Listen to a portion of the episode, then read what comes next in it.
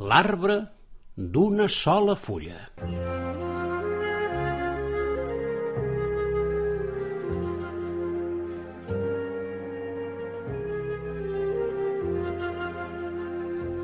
Hi havia una vegada un arbre que, per la primavera, només li sortia una sola fulla.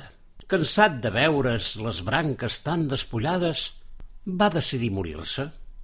Un moment, un moment, va escridassar una formigueta. Arbre capriciós i egoista, no veus que si et mors em deixes sense fulla i aleshores no podré gaudir de la seva ombra per protegir-me del sol i fer-la servir de paraigua i també protegir-me de la pluja?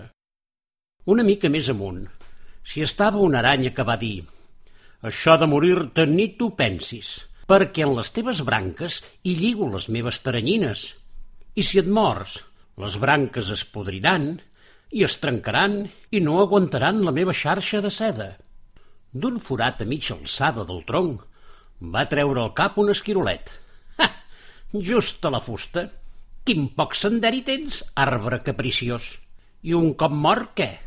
Les parets del meu cau es faran malbé i el trespol es podria trencar i rompre'm el cap. Res de morir-te, ho sents? De sota la terra, i ran de l'arbre, també va treure al cap un petit talp que es va afegir a les queixes dels altres. Mira, arbre, per aquí dalt et pot semblar que estigui molt sec, però les teves arrels són tendres i gustoses.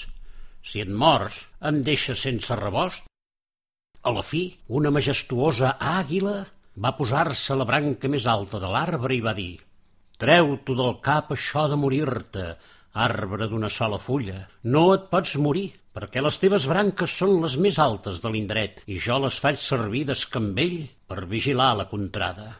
I l'arbre d'una sola fulla va pensar que tot i tenir una sola fulla era força útil pels altres.